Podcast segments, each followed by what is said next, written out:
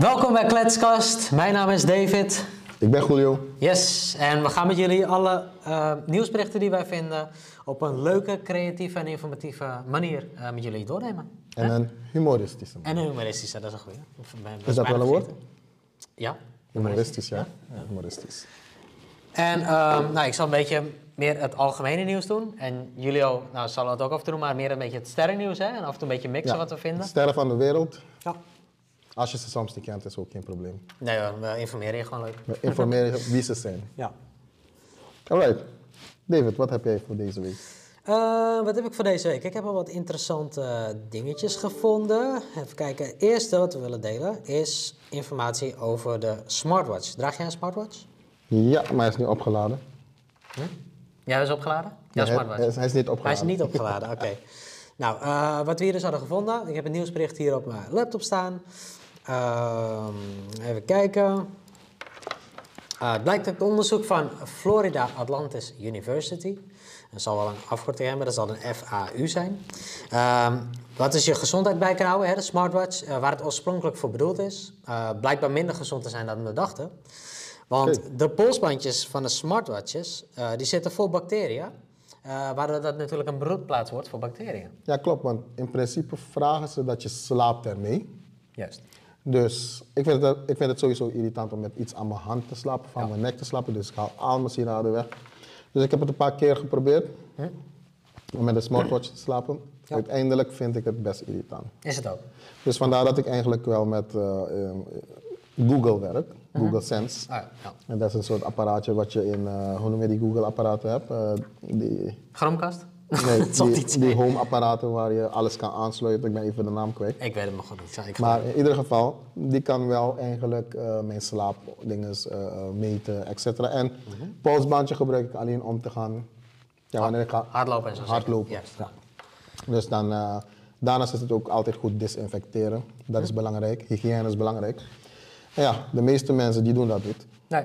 Dus dan ja, is het daadwerkelijk een broedplaats voor bacteriën. Nou, en je was natuurlijk ook niet altijd iedere vijf minuten in je handen, afhankelijk wat je doet. Dus laat staan dat je je polsen wast. Dus er- blijven bacteriën achterhangen. En dan heb je natuurlijk vaak dat rubber. Je hebt natuurlijk verschillende soorten materialen. Maar je hebt het rubber, dat blijft natuurlijk heel veel vuil achterhangen. Ja. Hoe vaak hebben we niet als je een nieuw bandje, dat jouw zwart is, hè, dat er heel veel eh, stof of vuil achter is blijven hangen. Het wordt gewoon een beetje grijs-zwartig. Maar dat gaat natuurlijk met de, met de tijd. Ja, dus daarom is het belangrijk dat je het onderhoudt. Het is, is net als als je een Rolex zou moeten onderhouden. Ja.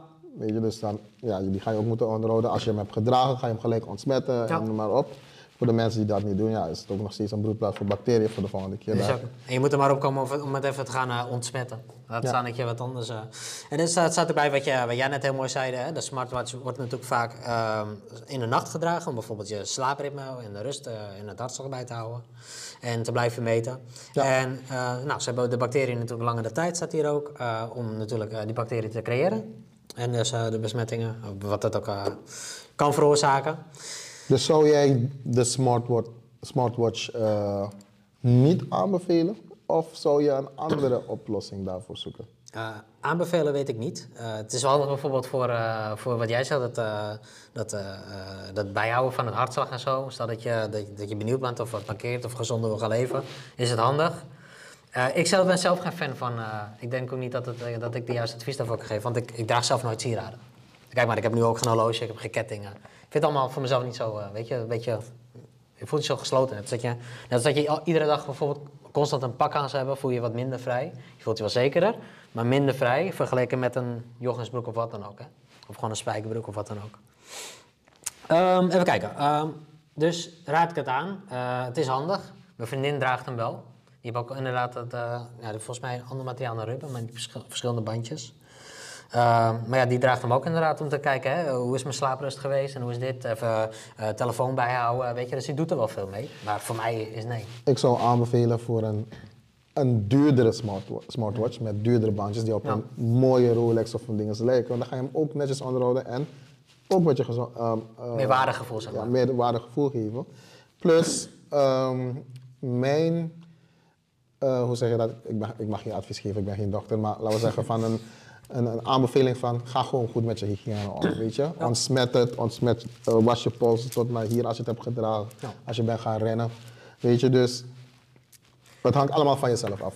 En we hebben dit natuurlijk niet zomaar gevonden. Er is natuurlijk een, uh, een uh, er is een onderzoek geweest, uh, gedaan bij 20 personen met verschillende werkzaamheden. Dus ook dat hè, een bandje bij een ander weer viezer kan worden dan hè, dat het niet maar één geheel is. Ja. en op meer dan de helft van de polsbandjes werd de bacterie E. coli gevonden. Ja, de colibacterie. En nou, die ken jij? Ja. Ik kon het niet. Deze bacterie kan maag, darm en urineweginfectie veroorzaken. Mm -hmm. en de ophoping van deze uh, bacteriële infectie is afhankelijk van het soort materiaal. Het was niet zo mooi beschreven, maar ik heb het zelf zo mooi verwoord. Wat vind je, wat vind je ervan? um, dus, de tip. Beter schoonmaken. Ja, dat is het. Heel simpel, simpel. schoonmaken. En schoonhouden en jezelf schoonhouden. Ja, jij jezelf vooral. Vooral. Ja, het is niet, uh, niet wel of niet douchen en dan je polsbandje. Dit zomaar hebben we corona gehad. Huh? Dit zomaar hebben we corona gehad. Of mogen we daarover niet praten? Over corona? Uh, ja, oh, nee, die, is al, die vergeten, dat is wel geschiedenis. ja, het is al een beetje weggevaagd, toch? Ja. Eigenlijk. Even kijken, het is leuk om het om de beurt te doen, denk ik. Hè? Dus uh, wat heb jij? Nou, ik zag hier, um, even kijken. Zal ik beginnen met nou, dit vond ik leuk. Daadwerkelijk. Een huis kopen van 8000 euro. Oh. Wist je dat? Uh, nee, 8000 euro niet, nee. Maar weet je eh, misschien twee nulletjes vergeten? Of, uh? Ja, nee, dus in principe was er of komt er al een concept uit Amerika, genoemd Tiny House Concept. Oh ja. En dat wil zeggen van dat je gewoon een leefbare omgeving hebt voor jezelf. En een tiny house is uiteindelijk, die bezit alle functionaliteiten van een huis. Het bezit een keuken, een toilet, een slaapkamer, uh, opslagruimtes. En uh, voor de rest kan je hem zo luxe mogelijk maken als hoe je het wil. Ja, dat is heel interessant, tiny houses. En, uh, er zijn programma's van. Op Netflix en zo volgens mij. Ja, je kan ze op YouTube kijken. En um, ja, voor de betaalbare uh, eigenlijk uh, soluties of oplossingen voor betaalbare woningen, laat me het zo roepen, vind ik dit best wel een interessant idee en een interessant concept. Alleen moet eigenlijk de overheid daarmee een beetje flexibel om, uh, mee omgaan. Mm -hmm. uh, nu zie je dus heel veel advertenties komen en heel veel, laten we zeggen, promoties komen om eigenlijk tiny houses te bouwen, maar dan kom je uiteindelijk weer op een problematiek van grond, waar moet je ze neerzetten, et cetera, et cetera. Ja. Dus...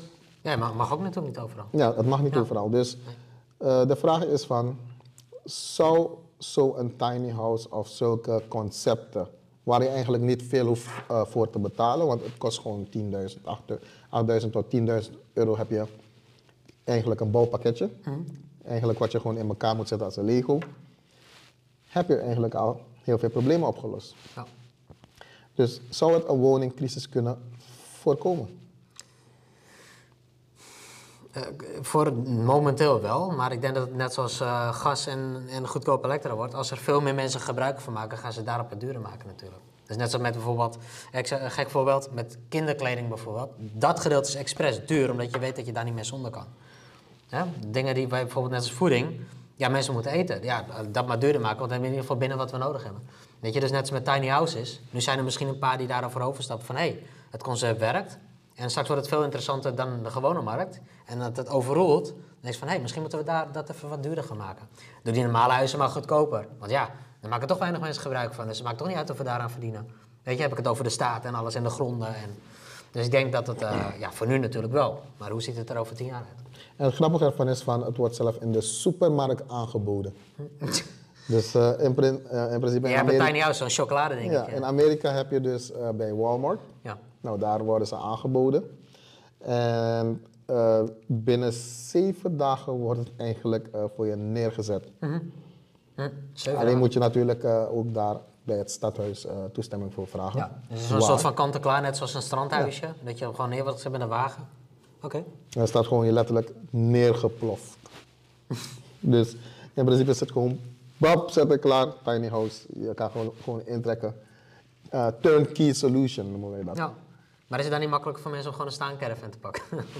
maar dat, het probleem is ook weer de wetgeving, want hm? de staancaravan, ja, die mag alleen voor... Een bepaalde periode, ja. Een ontspannings... Uh, ja, maar heb je ook met die strandhuisjes van Namuiden bijvoorbeeld. Ja. Welke, eh, recreatiegebied, daar mag het in ge- eh, gezet worden of Hm. gebouwd worden. Maar we willen ook gewoon voor dat, ehm, ja, de meeste mensen willen gewoon eh, dat, het, eh, eh, dat ze erin kunnen wonen voor wat langere tijd, Ja. of een langere tijdperiode. ja. Ja, als blijf je verhuizen. Ja, er zijn mensen die dat... eh, die ook verbouwingen doen, die even wonen en die weer eruit gaan. Eh, maar ja, dan, dan is het voor- vaak voor een langere periode. Op Ja, een gegeven moment dan raakt het ook een keertje op en denk je van... eh, moet ik nou weer verhuizen, weer allemaal spullen pakken? Neem ik aan. nou dus in totaal vragen Walmart 8700 US voor het tiny house van het merk Best Barnes. En dat komt neer op ongeveer 8000 euro. Dan kan je eigenlijk al een heel ander beeld krijgen van een Amsterdamse straatbeeld als je het gaat eh, neerplaatsen. Ja. Maar is het, eh, is het ook al een beetje Nederland of is het echt alleen... eh, Ja, er zijn eigenlijk al wat tiny houses, dus die kan je gewoon googlen. En ja, dan kijk je gewoon van hoe ze eruit zien, is het concept voor jou. Sommige mensen zijn, zeggen, ze zijn claustrofobisch, no? Eh, Dus in zo'n kleine... Ja, maar die- kiezen daar sowieso Ja, niet voor, denk ik. Die kiezen niet ervoor, dus ze gaan niet in zo'n kleine woning.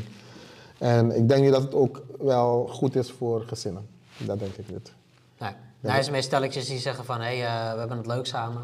Gewoon stelletjes, starters, ja. Zo heel veel studenten Maar ook in de supermarkt, hè, weet je, ja, omdat ik... eh, Nee, in de supermarkets nog niet. Alleen, eh, volgens mij zag ik in Duitsland, bij de Lidl of Aldi was dat. Even kijken wat ze... Lidl doet ook alles. Ja. Ehm, daar waren ze al een beetje aan het rondkijken. Ja. Bij de Lidl of de Aldi, ja. Ja. Nice. Oké. Dat is jouw... eh, Dat is mijn Engelse topic nu. Dan heb ik nog een bericht over voeding. Producten die gezond bleken te zijn, maar stiekem niet heel gezond zijn. Dat vinden mensen altijd interessant, de dingen over voeding, toch? Ja. Je natuurlijk eh, zo gezond mogelijk, eh, zover je kan, je dingen doen. Ehm het nieuwsbericht staat, meldt Metro, eh, elimineer deze acht boosdoeners, want deze misleidende producten blijken niet zo gezond als dat het lijkt.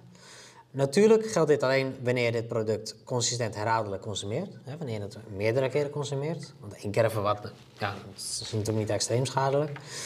Ligt aan wat het is. Geen advies. Ehm, en bijvoorbeeld bezig eh bent met afvallen. Eh, daar kan het bijvoorbeeld bij helpen. Ehm, dan werkt het een soort van tegen je. Ehm, eh, producten, dus nummer 1 dan, van de 8. producten die aangeven minder vet te bevatten. Nou, deze produ- producten vervangen het vet vaak door suiker. En uit onderzoek blijkt dat ongeveer 30% van de mensen hierdoor meer ehm, eh, vetarme inhoud eten. Dus meer dan consumeren, eigenlijk dan met minder vet. Ehm, en er wordt aangeraden deze producten vaker te laten staan en met name goede vetten te eten. Want als jij natuurlijk denkt van, oh het is wel gezond, maar je krijgt niet genoeg voeding binnen omdat je nog steeds honger hebt, dan ga je ook weer meer eten. Maar dan krijg je weer die suiker binnen. Ja. Dus het is een beetje, een beetje eigenlijk balanceren natuurlijk. En eh, ja, je hebt natuurlijk wel sommige vetten nodig, hè? dat is logisch. Eh, bijvoorbeeld vette vis, sommige vette vis bijvoorbeeld. Je hebt ook eh, specie- spe- specifieke visolie. Hè? Ehm, even kijken. Eh, ja, vette vis. ehm, ja, dat, dat zou mijn vervanging zijn. Hoe weet je dat er vis vet is? Ja, dat is een goeie. Vraag, vraag het aan de visboer. Dus Ja. een, eh, is een slanke vis. Ik heb het echt over de visboer. Hè? Dus niet dat je uitzoekt in de supermarkt wat moet ik nou eens nemen en dat je alles moet gaan lezen. Maar stel bijvoorbeeld, eh, nou eh, stel ik wil een lunch en ik heb geen trek in wat dan ook. En ik wil even een eh, kibbeling. Maar meestal is vis altijd plat, hè? Nee, kibbeling toch niet? Of je moet er plat staan. Ja, ze zijn plat. Dus ze zijn meestal niet vet. Maar je hebt wel een blowfish, die is wel een beetje dik. Ja, maar eet je blowfish? Dat is toch een dikke vis? Eh, een vette vis. ik, ik, wil, ik wil die vis niet beledigen, man.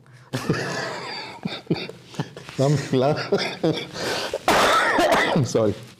Ik ben een beetje verkouden mensen, dus eh, ik moet eigenlijk niet lachen. Nee.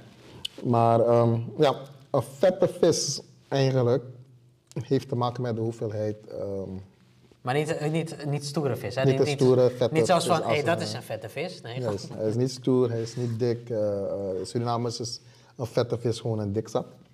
Weet je, dus daarom. En in, in Nederland is een vette vis cool. Maar ehm, een vette vis, dat wil zeggen van, hij moet de juiste ehm visolie in zich hebben. Heb je trouwens ook En- een potje visolie speciaal? Ja. speciaal eh, En sterker nog, de vis die haalt zijn olie uit een plant. Oké. Ja. En dit weet ik toevallig omdat ik vegetarisch ben, dus ik eet geen vis. Dus als mensen aanbevelen om vis te eten, dan zeg ik van, van waar haalt die vis zijn olie vandaan? En En dat, dat ook dan weer gezond verwerkt wordt. Juist. En dan zie je van dat de vissen hun olie halen vanuit de algen. En de zeewier dus. En als je dus daar de olie vandaan haalt, dan heb je juist eigenlijk, als je direct van de bron weghaalt en naar jou toe brengt, dan heb je veel meer baat bij voor je gezondheid. Ja. Er zijn wat onderzoeken daarover. Die kunnen jullie ook daar gewoon googlen. Welke oliën, welke omega-3 vetten je kan halen uit welke planten en welke algen. Toevallig eh, weet ik daarover omdat ik eigenlijk een beetje bezig ben met ehm, eh, gezonde voeding. Om het zo te zeggen. En ja, ik vind het heel belangrijk om de juiste oliën ook naar binnen te krijgen. En de juiste vetten naar binnen te krijgen. Uiteraard. En het ligt ehm, ook niet aan de hoeveelheid vet je naar binnen haalt, maar welke vetten haal je naar binnen. Want we- ik, eh, je hebt mooie benamingen ervoor, maar ik zeg gewoon, haal de gezonde vetten naar binnen, zoveel mogelijk, Ja. en laat de slechte eh, vetten eh, staan. Slechte vetten zijn bijvoorbeeld heel simpel. Wat je krijgt bij frietjes. Ja, ja. Al, de algemene vet. Zo. Ja. Ja. En de goede vetten zijn bijvoorbeeld wat je haalt uit avocado. Oh ja. Maar dan heb je weer ook, laatst zag ik iets ehm, toevallig over een, een discussie op eh, TikTok, YouTube, noem maar op. Alle social media kanalen waar een vegan en een niet-vegan zaten te discussiëren over de avocado-proces. ja, dat is een ja-nee verhaal wordt dat. Weet je, dus uiteindelijk dat het ook Precies toch, twee tegenpolen. toch nog weer ongezond is eh, eh, en weer niet zo milieuvriendelijk is en van alles Ja. en nog wat. Maar ik zeg altijd van, probeer zoveel mogelijk je product te halen met een, een, een keurmerk erop dat biologisch of organisch is. En waar het procesvorm eigenlijk zo minder milieubelastend is. En dan kies je voor goede producten. En ik zeg altijd, het is een keuze wat je maakt in je leven. En zodra onze keuze eh, is dat we een keuze eh, doen dat minder belastend is voor onze eh, ecologie of voor onze, laten we zeggen, de, voor de gemeenschap, voor de wereld, voor de kosmos. En het in de goede richting is, dan zijn we een stap verder vooruit dan dat wij kiezen voor destructieve methodes of processen. Ja. Weet je wat er gebeurt met, eh, met goede vetten? Nee. Weet je, wat er, weet je wat er gebeurt met goede vetten? Nou, dat is heel goed. Weet je wat er gebeurt met slechte vetten? Nee. Nou, niet zo goed. Gaan we verder. Ja, heel simpel. Even kijken. Eh, nummer twee. Voorverpakte salades. Nou, daar heb iedereen wel een Oh ja. beetje een mening bij. Want iets wat verpakt is, denk je altijd van... Wat zit erin? Vaak consumeringsmiddelen, et cetera. Dus de keuze is vrijwel... Ja, vrijwel simpel eigenlijk, hè? Een simpele, sim- simpel puntje. Ehm, staat hier ook bij, het is eh, natuurlijk makkelijker wanneer je geen zin hebt om te koken. Maar er wordt aangeraden om toch nog even te hoesten. Eh, wordt aangeraden om toch nog even een extra rondje door de supermarkt heen te lopen. Om op zoek te gaan naar losse ingrediënten. Nou moet ik daar ook, heb ik er ook mijn twijfels over. Tegenwoordig kun je eh, zowat bijna aan voeding nog maar weinig vertrouwen, heb ik het idee. Komt ook steeds meer naar voren. Eh, er was ook zo'n serie op Netflix, wil ik nog eens kijken. Ehm, poisoning Food of zo? Foods po- Poison? Nog eens iets, Oh, ik iets in die richting. Ik heb wel een aantal gezien op Netflix, maar uh, Ja. ja. het klopt. Je hebt ook What the Health, die was ook heel goed. Maar die was een beetje extreem, maar een beetje overdreven misschien. Maar dat merk je ook inderdaad daar al, hè. Dat bepaalde eh, voedingsstoffen er ook voor kunnen zorgen dat er bepaalde dingen krimpen. Waardoor je dus minder kans hebt op eh, ziektes. Ehm, even kijken. Er worden natuurlijk vaak consumeringsmiddelen toegevoegd, nou daar hebben we het al over. om de salades langer goed te houden en mooi van kleur te houden. En nou, zover dat ik kookprogramma's wel eens kijk, niet, niet ik ga er niet voor zitten, maar als ik het zie, laat ik het opstaan. Ik van, kun je weer leren, toch? Zie je ook vaak voeding met kleur zonder bijbehoudende troep. Dus het ligt er ook een beetje aan wat je zelf doet natuurlijk. Dus dat is weer de keuze dat je moet maken. Ja. Voeding zonder E-nummers of smaakversterkers of noem maar op, om het Ja, eten lekker te maken. Zo biologisch, organisch mogelijk zonder de E-nummers en smaakversterkers. Ja. Want de E-nummers kunnen ehm, schadelijk zijn voor jouw gezondheid op de lange termijn. Ja. Ehm, als je dus eh, googelt gewoon daarover, dan kan je vinden lijst met E-nummers en de schadelijkheid ervan bij verschillende bronnen. En ehm, ja, ik zeg altijd zoveel mogelijk zelfs koken, zelfs eh, ehm, eh, je eten klaarmaken, je eten klaarzetten, je salades maken, dan dat je een voorgoed pakt. Even extra wassen als je salade hebt. Ja, dit is Dat eigenlijk als oplossing aangeboden aan de massa. Ehm, om eigenlijk het gemakkelijker te maken en de mens gemakzuchtiger te maken. Ja.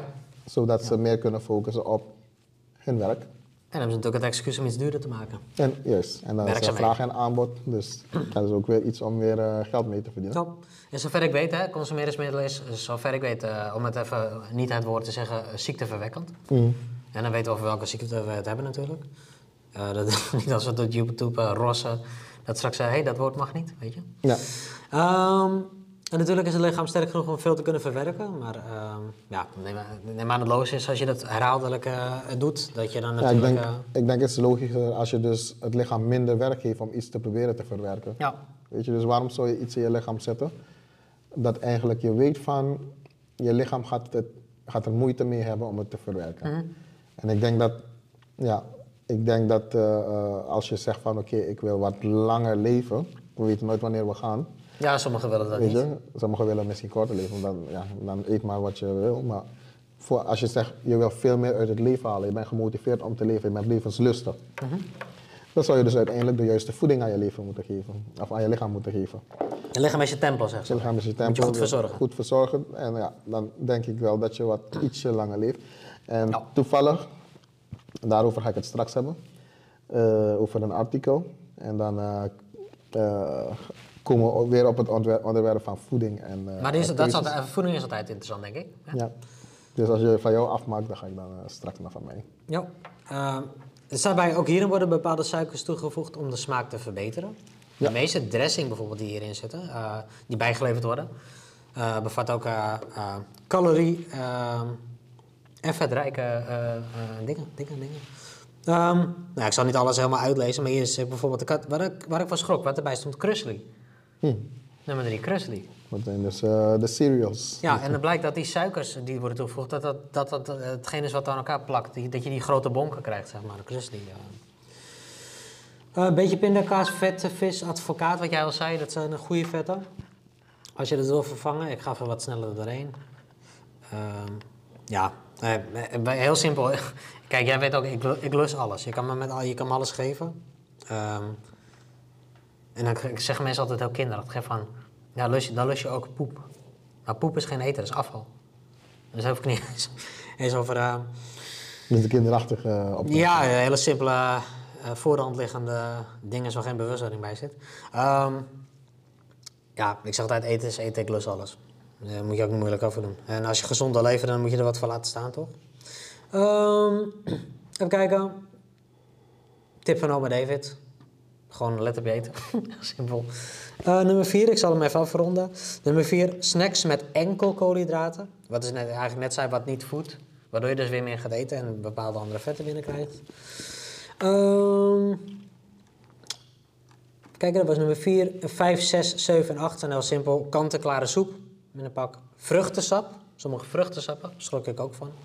Eh groentechips, nou ja, de, dat is duidelijk aangezien het gewoon chips is, toch eigenlijk. En pure chocola. En daar had mijn vriendin het vorige keer over. Eh, dat je inderdaad, eh ligt eraan hoeveel procent pure chocola je hebt, hè? 80% of wat dan ook. En ehm ja. ja, chocolade zijn ook goed voor andere dingen, maar daar gaan we het niet over hebben. dat was mijn ding. Ja, pure chocola weet ik daarover van dat het eh, heel veel invloed op jouw eh, geestelijk gesteldheid kan hebben. Ja. En eigenlijk een paar stofjes in je lichaam kan aanmaken. Dat ook wel goed is voor stress. Ja. En nu over celebrities. Ken jij zakenman Mohammed El Fayed? Eh, ik lees het net af. nee, ik ken het niet. Nee, ik ken hem niet. Nee. Nou, dat is een miljardair, om het zo te zeggen. Hij is eigenaar van, of eh, uitvinder van eh Ritz Hotel, een warenhuis Harrods, een Britse warenhuis.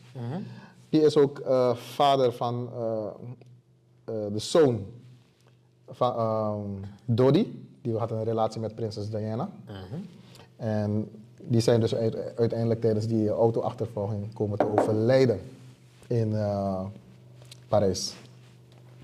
Nou, hij is overleden op een 94-jarige leeftijd. Netjes. Dus over gezondheid gesproken. dat is dus uiteindelijk de vraag van hoe gezond zijn miljardairs Ja. of miljonairs? En wat zijn de keuzes dat ze maken in het leven? Ja. Dus er was, of er zijn wat onderzoeken eigenlijk ehm, die er zijn. Ehm, die daarbuiten, je kan, je kan ze gewoon googlen gewoon. En dat, wie leven langer, rijken of armen? En dat heeft te maken met keuzes. Miljardairs eten gewoon weinig fastfood. Ja. Je merkt wel een bepaald verschil. Hè? Mensen die vaak met dat soort dingen bezig zijn, die aan eh, soort van ondernemende kant staan, hè? De, de, de, de, de miljoenen doelen hebben, dat die vaak ook een soort balans creëren. Hè? Ook met voeding. Eh, ja, ik denk dat ze gewoon honger genoeg zijn om langer te willen leven om hun doelen te behalen. Ja. Dat, denk dat dat het is ook een, een psychologisch aspect, want Ja. je hebt ook meer levenslust, je wil meer eh, in het leven bereiken. Dus Ja, meer zin in het leven. Meer zin in het leven, dus dat, dat heeft ook te maken dat je ook, eh, ja. En als je veel geld hebt, ja, dat kan ook best heel veel stress weghalen. En stress is een van de grootste oorzaken eigenlijk dat mensen korter leven. Dus ehm, als we kijken verder naar eh, de voeding en als je kijkt naar zakenmensen die bijvoorbeeld onderzoek doen, dan kijken ze ook waar zetten ze zo'n fastfoodketen neer. Mhm. Dus meestal is het gewoon in de arme wijken, om het zo te zeggen. Want de arme mensen die gaan dus uiteindelijk fastfood kopen. Ja. En ze is ook vaak goedkoper, hè? En dus Ja. veel goedkoper. Ja. Nou, ik was bijvoorbeeld naar het miljardairs-event en daar zag je gewoon van dat je in een best een duur restaurant bent. Je weinig eet, Ja. wat wij Surinamers niet gewend zijn. Weet je, dus we willen altijd heel veel eten. Maar je krijgt gewoon klein beetjes, maar echt wel groentes of een proteïne, noem maar op. En een beetje eh, eh, koolhydraten. Kleine beetjes verdeeld Kleine dag, beetjes eh, verdeeld ja, over een paar porties wat ze uitdelen. Of vijf gangen menu, zeven gangen menu, noem maar op. Maar uiteindelijk lekker en verzadigen. Dus ik praat over uit, uit ervaring en ik zie van als ik juist minder eet, dat ik juist meer verzadigd ben Ja. over die porties heen. Dan dat ik gelijk eh, een hele zak Big Mac eh, met wat dingen zou gaan kopen als ik vlees zou eten. Je merkt wel vaak dat je daar nog trek hebt, hè? Ja. Nou, later. eh, Kijk, bijvoorbeeld als je na... Soms eet ik wel een Burger King, nog steeds. Tuurlijk, ik ook wel eens. Nou, want ze hebben ook nu een, een, een vegan burger, om het zo te zeggen. Maar meer een beetje als beloning van we hebben al heel gezond gedaan. Ja. Doe even één Ja, keer. het is gewoon meer Ja. met de kids. Ja, Weet je, ja dus die de kids genieten. die, willen ook nog, eh, weet je, voor hen is het normaal, sommige mensen in de omgeving. Eh, ze zitten niet op een elite school, weet je, Nee. dus... eh, Nee, het is een soort happy beleving voor hun, hè? Ja. Maar dat zo zie je van, als je dus uiteindelijk eh, kijkt naar de miljardairs, ga maar googlen en kijk hoe oud ze zijn en hoe oud ze doodgaan. ja. Allemaal boven 92, eh 90, 100 jaar. Eh, en ze leven nog, sommigen, weet je. En Ja. eh, als we kijken naar de arme mensen, geschatte leeftijd 74, eh, las ik, 74 tot eh, 78. En van de miljardairs, of de multimiljonairs, tussen de eh, 84 en 110 worden ze. Tja, Dus dat is wel iets om naar te kijken. zeker weten. Ja. Ze doen iets goed. Ja, en dan zou je zeggen van ja, die man heeft het druk enzovoorts, maar het is wat je leuk vindt in je leven. Hè? Ja. Dus ehm, als je het leuk hebt om zaken te doen, dan denk ik dat je ook gewoon mentaal gezonder blijft. Hou je ook langer vol. En ik zeg ook altijd tegen mensen die, eh, die een beetje lichtig zijn over wat ze aan het doen zijn. Zeg, weet je, er is niks ergers dan dat je met tegenzin naar je werk moet gaan. Hè? Voor depressie en ongelukkig zijn. En, eh, kijk, stressfactoren en ongelukkig worden of blijven, dat slaat natuurlijk ook op je lichaam en je gezondheid. Want eh, kijk, net als, als je blij bent, straal je het ook uit naar buiten. Ja, Ja? En als je merkt dat er iets aan iemand is, vaak depressie of wat dan ook, en iemand is een beetje stillig of wat dan ook, dan merk je dat er is wat aan diegene. Nou ja, dan merk je het misschien even, maar diegene zit er dan misschien heel lang in. En dan kan het overslaan op slechtere gezondheid. ja. Dus daar hebben, en daar hebben we het nog niet eens met voeding te maken. Het is ook een totale balans van hun levensstijl. Als je dus naar ze kijkt van hoe leven zij, is ook vaak genoeg goed ingedeeld, georganiseerd, geagendeerd, om het zo te zeggen. En mensen hebben ook vaak meteen het idee, hè, als een ondernemer het druk heeft, ja, wel, dat geeft stress. Maar als je op die manier gelukkig aan bezig bent en je voelt je lekker in je vel, dan hou je stress ook weg. Want je kan ook stress ondervinden als je niks doet en weinig geld hebt. Ja, dat is het juist. Ook een vorm van stress. Kan je heel veel stress krijgen. Dus, Het ligt ehm, eraan hoe je jezelf happy voelt, hè, hoe je door kan gaan. En eh, laten we zeggen van als je je dag hebt ingedeeld, in de ochtend doe je meditatie. Eh, in de, eh, hoe zeg je dat, in de Eh, ietsje latere ochtend ga je een, eh, eh, naar de gym voor een half uurtje of een uurtje. In de avonduren ben je met je gezin. Ja, Dan denk ik wel dat je een goede balans hebt, om het zo te Altijd- zeggen. En de rest, balans komt altijd daar terug. vul je je business in en je, Ja. je ondernemingen. Ja, merkt Dus- wel dat de balans komt vaak terug. Hè? Je- balans is heel erg Ja. belangrijk. Als je die, die, die balans eigenlijk in, in stand houdt, dan denk ik dat je best wel lang kan leven. En gewoon goede voeding kiezen voor je lichaam. Ja. Dat is wat je hebt gezegd, van, je hebt best wel heel veel uit, uit de teksten gehaald. Eh, kijk maar naar de, nogmaals, de E-nummers, smaakversterkers, eh, organisch, biologisch. Ja. Dat is een heel goed advies. En dat eten ze vaak genoeg, ook de miljardairs. Ehm, ik heb zelf ook bijvoorbeeld in de supplementen, tenminste ik gebruik supplementen. En ik heb gezien van ook dat eh, ja, zelf doktoren, artsen, eh, miljonairs, miljardairs aan de supplementen zitten. Ja. En als je dus iemand zegt die bijvoorbeeld geen vermogen heeft, gaan ze een excuus zoeken van dat ze dus geen geld hebben om die supplementen te kopen. Ja, dus dat is wel een feit. En vandaar dat Ja. zij dus niet de kans hebben om eigenlijk die supplementen te kunnen eh, kopen. Maar dan is het weer een keuze van, ga je nou ehm, mogelijkheden voor jezelf creëren, Ja. net als die miljardair, Ja. om in die levensstijl te voorzien. En ik denk als je keuze maakt, dan zal de eh, kosmos ervoor zorgen dat je dus die keuzes kan gaan betalen. Zeker. Ga je het bereiken of, eh, hè? of eh, neem je genoegen met je excuses? Ja, Dat is het een beetje eigenlijk. Hè? Ja. dus Mooi, eh, mooi nieuws, man. ja. Even kijken, heb ik hier nog eh, ja, toch weer een soort voeding-idee. Er staat hier ook. Producten die je liever laat staan bij een lege maag. Want er zijn natuurlijk heel veel mensen... Ik eet ook niet altijd in de ochtend. Ligt eraan ook mijn voel. Weet je, als ik denk van... nou, ik moet niet te veel gaan eten nu in de ochtend, want... dan word ik straks misselijk en ik moet nog veel doen, weet je. Andere keer heb ik wel trek, dan is er niks aan de hand. Het is net, ligt net... Weet je maar, wat eet je dan? Ehm, er staat hier. Hoewel deze producten zeker niet ongezond zijn, laten de effecten andere resultaten zien. Is jouw eetpatroon het juiste? En is het ontbijt waarvoor jij kiest een goede manier om de dag mee te beginnen? Nou, dan hebben we hier al bijvoorbeeld rauwe groenten. Ehm, ze zijn gezond en bevatten vitamines, vezels en mineralen, zoals we weten. Maar bijvoorbeeld paprika of tomaat, kwam ook niet bekend voor, vragen nogal wat van je spijsverteringsproces. Wat ik dus niet weet. En hoe vaak heb je wel niet een crackertje dat je met avocado en tomaat, heel veel mensen eten ook gewoon tomaat als ochtend, denk van het is meer een lunch salade ding. Er zijn ook mensen die een gezonde ontbijt willen en die denken van nou, ik doe even een tomaatje erbij of wat dan ook. En eh, je weet toch dat verhaal wat ehm, Bijvoorbeeld eh, hoeveel tomaten je nu moet eten om bij de voeding tomaten te komen, vergeleken met één tomaat van vroeger. Hoeveel moet je er 30, 30 eten? Wil je er bij eentje komen? Heel veel. Dat is echt veranderd door, eh, door het eh, versnellingsproces, het bespuiten, het, het eh, versnellen, dat, dat, hè, dat, dat zo, eh, omdat alles GMO. snel verkocht moet worden. Ja. Zo'n ding heb natuurlijk niet de tijd om alles weer, om, alle, om alles goed hè, te verzamelen. Laatste onderzoek daarover is de, een onderzoek van het farmaceutisch bedrijf Gay, hoe, hoe zeg je dat? Geigy of Geigy. G-E-I-G-I of G-I- G-E-I-G Griekse I. Dat was de laatste onderzoek van hoeveel Welkom bij Lingo. Ja, moet je dus uiteindelijk kunnen spellen.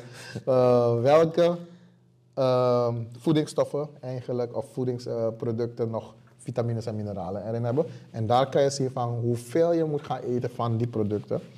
Om eigenlijk aan jouw vitamines en mineralen dagelijkse eh, hoeveelheden te, te komen.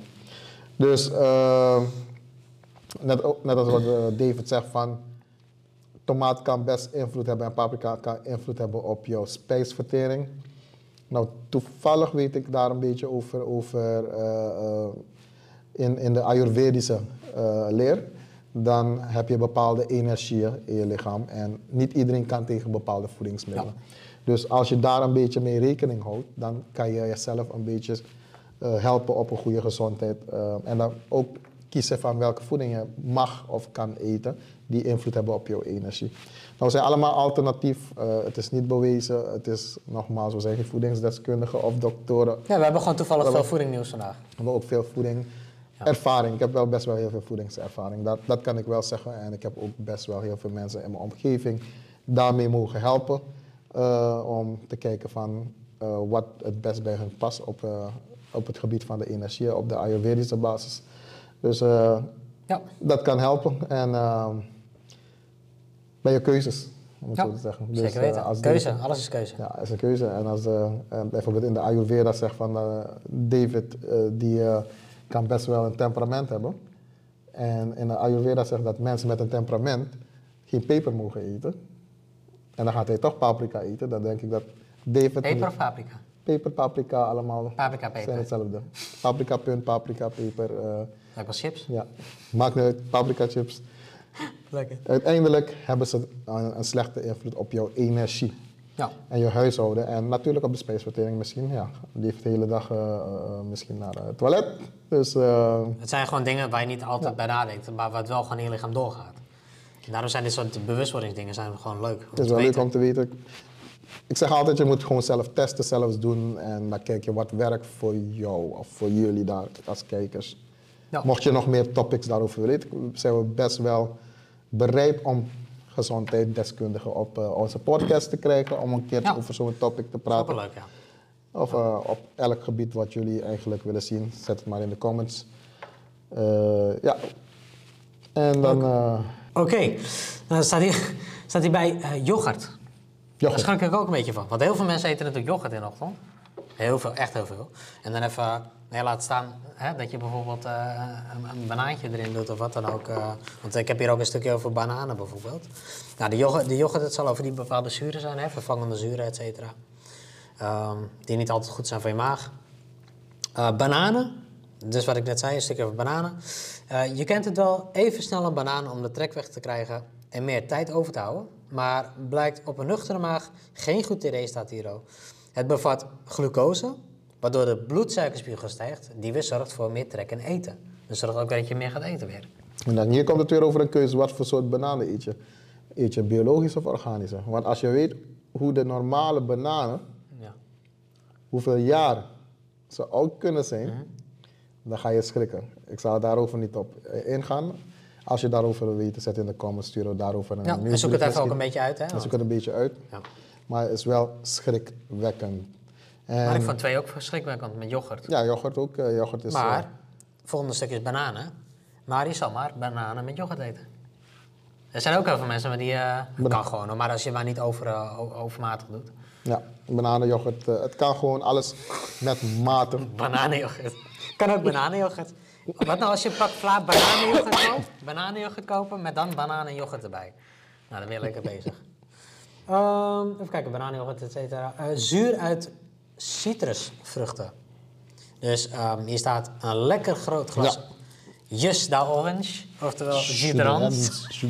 Dat was even een extra grapje. Ehm, even kijken, eh, vond je het leuk trouwens, dat grapje? Ik heb gelachen, dus ik ben Leuk. ook wel. Kijk, dat wilde ik even weten. Ehm, op zich ken ik wel veel mensen die wel eens een glas Sudrans drinken. Niet per se in de ochtend, maar ik had ook in de middag. eh, Maakt niet uit op zich, maar gewoon het idee daarvan. Ja, veel doen het in de ochtend, denk ik. Ik, ik zelf doe het altijd in de ochtend, een. Dat je denkt even een gezond glas Sudrans. Ja, in principe de vitamine C krijgen naar binnen. Ook, Eh, ook weer zuur, hè? Ook ja, weer de zuur. Zuur is eh, eigenlijk, maar ook gewoon, eh, er zit ook best wel veel suikers in zo'n uh. Dus er wordt eigenlijk vanuit de voedingsindustrie, of tenminste van de orthomoleculaire en de Oosterse geneeskunde of de alternatieve geneeskunde, wordt geadviseerd om de sinaasappel te eten in plaats van te drinken. Oh ja. Dus ehm, dat is eigenlijk een gezondere keuze. Want eh, nogmaals, alles wat tot een sap is gemaakt is niet in zijn oorspronkelijke vorm en bevat ook meer suikers. En je moet ook heel veel eh, drinken om daaraan te komen. En de voedingsvezels worden eruit gehaald, wat bijvoorbeeld in de sinaasappel zit. Eh, ja, dus dat is het. En citroen met water wordt natuurlijk vaak als, hè, bij het afvallen gebruikt. Dat zeggen van, dan krijg je toch eh, eh, bepaalde stoffen binnen. Met lauw water zeggen ze toch altijd, hè? Citroenwater met lauw water. Nou, dat maakt toch zin niet uit. Ehm, dat kan wel weer, omdat het citroen sterk verdund wordt door het water. Dus dat zou een gezondere keuze zijn dan et cetera. Ik denk dat het ook een beetje in je smaak ligt. Maar ja, ik heb altijd zoiets van, ik, ik lust ook echt alles. Je kan me echt van alles geven. Ehm, weet je, maar... De ene, het ene vind je natuurlijk lekkerder dan het andere. Maar ja, als ik, als ik zoiets zeg van, oké, het citroenba, citroen met water is minder lekker dan het andere, maar het is gezonder, dan kies ik gewoon daarvoor, want ik lust toch alles. Weet je? Eh, drink je zelf wel citroenwater? Ja. ja. Citroenwater maak ik zelfs met ehm, stevia druppeltjes. ehm, om het te, eh, eigenlijk eh, zoeter te maken. En dat is natuurlijk weer de, laten we zeggen, de gezondere variant. Het is allemaal choices in life. eh, make your own choice and live your own lifestyle. Zeg ik, eh, je bent, je bent, you are the creator of your own destiny. Ja, kijk. De quote van de dag. We're all gonna die. Dat is de andere quote. van je einde van je dag. But how do we die? Dat is How do you die? Not today. die in style. Ja, die in style. Die in Dat- style. Oh, dan mag het wel vandaag. Ja. Nee, als Nee, maar een stijl is. Die in style after.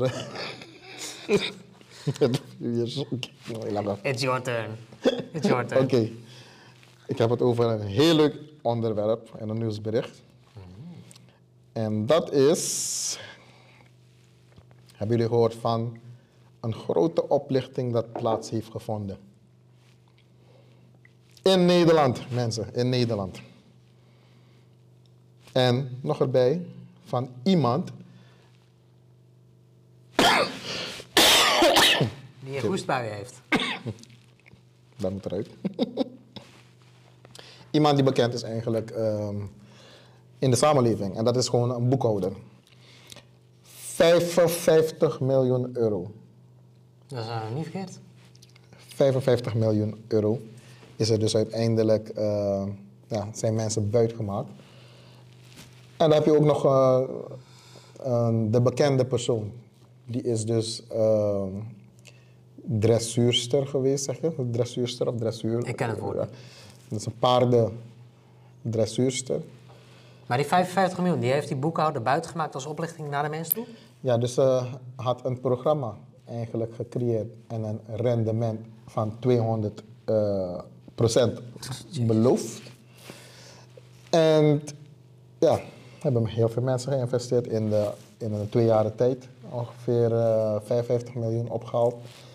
Maar, daar komt het. Ze heeft het niet gebruikt om te investeren.